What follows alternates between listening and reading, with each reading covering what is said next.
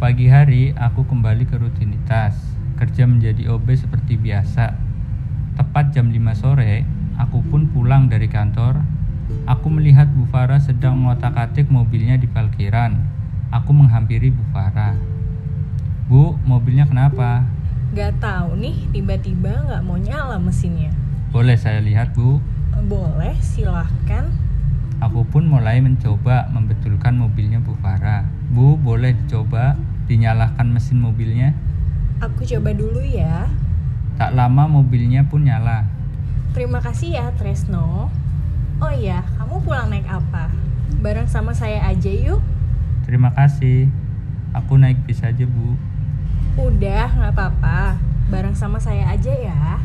Aku pun terima ajakan dari Bu Farah. Di mobil kami ngobrol tentang kebiasaan kami. Aku senang banget campur deg-degan. Tak lama kami pun sampai di kontrakan. Terima kasih ya Bu. Bu Farah hanya membalas dengan senyuman. Malam harinya, aku membayangkan kejadian tadi sore di dalam mobil. Aku sangat senang banget. Apakah ini namanya cinta? Harapan mimpi indah akan datang dengan sendirinya. Besok paginya aku siap-siap berangkat ke kantor dengan minyak wangi yang kusemprotkan tiga kali lipat dan rambut yang rapi supaya Bu Farah senang melihatku. Sesampainya di kantor, aku pun seperti biasa membersihkan ruangannya.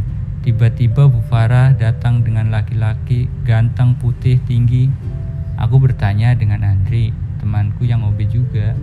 Siapa itu laki-laki yang sama Bu Farah? Oh, namanya Pak Ari. Dia itu pemilik perusahaan ini juga. Dan dia tunangannya Bu Farah. Kalau nggak salah, tahun ini dia akan menikah. Hancur hatiku.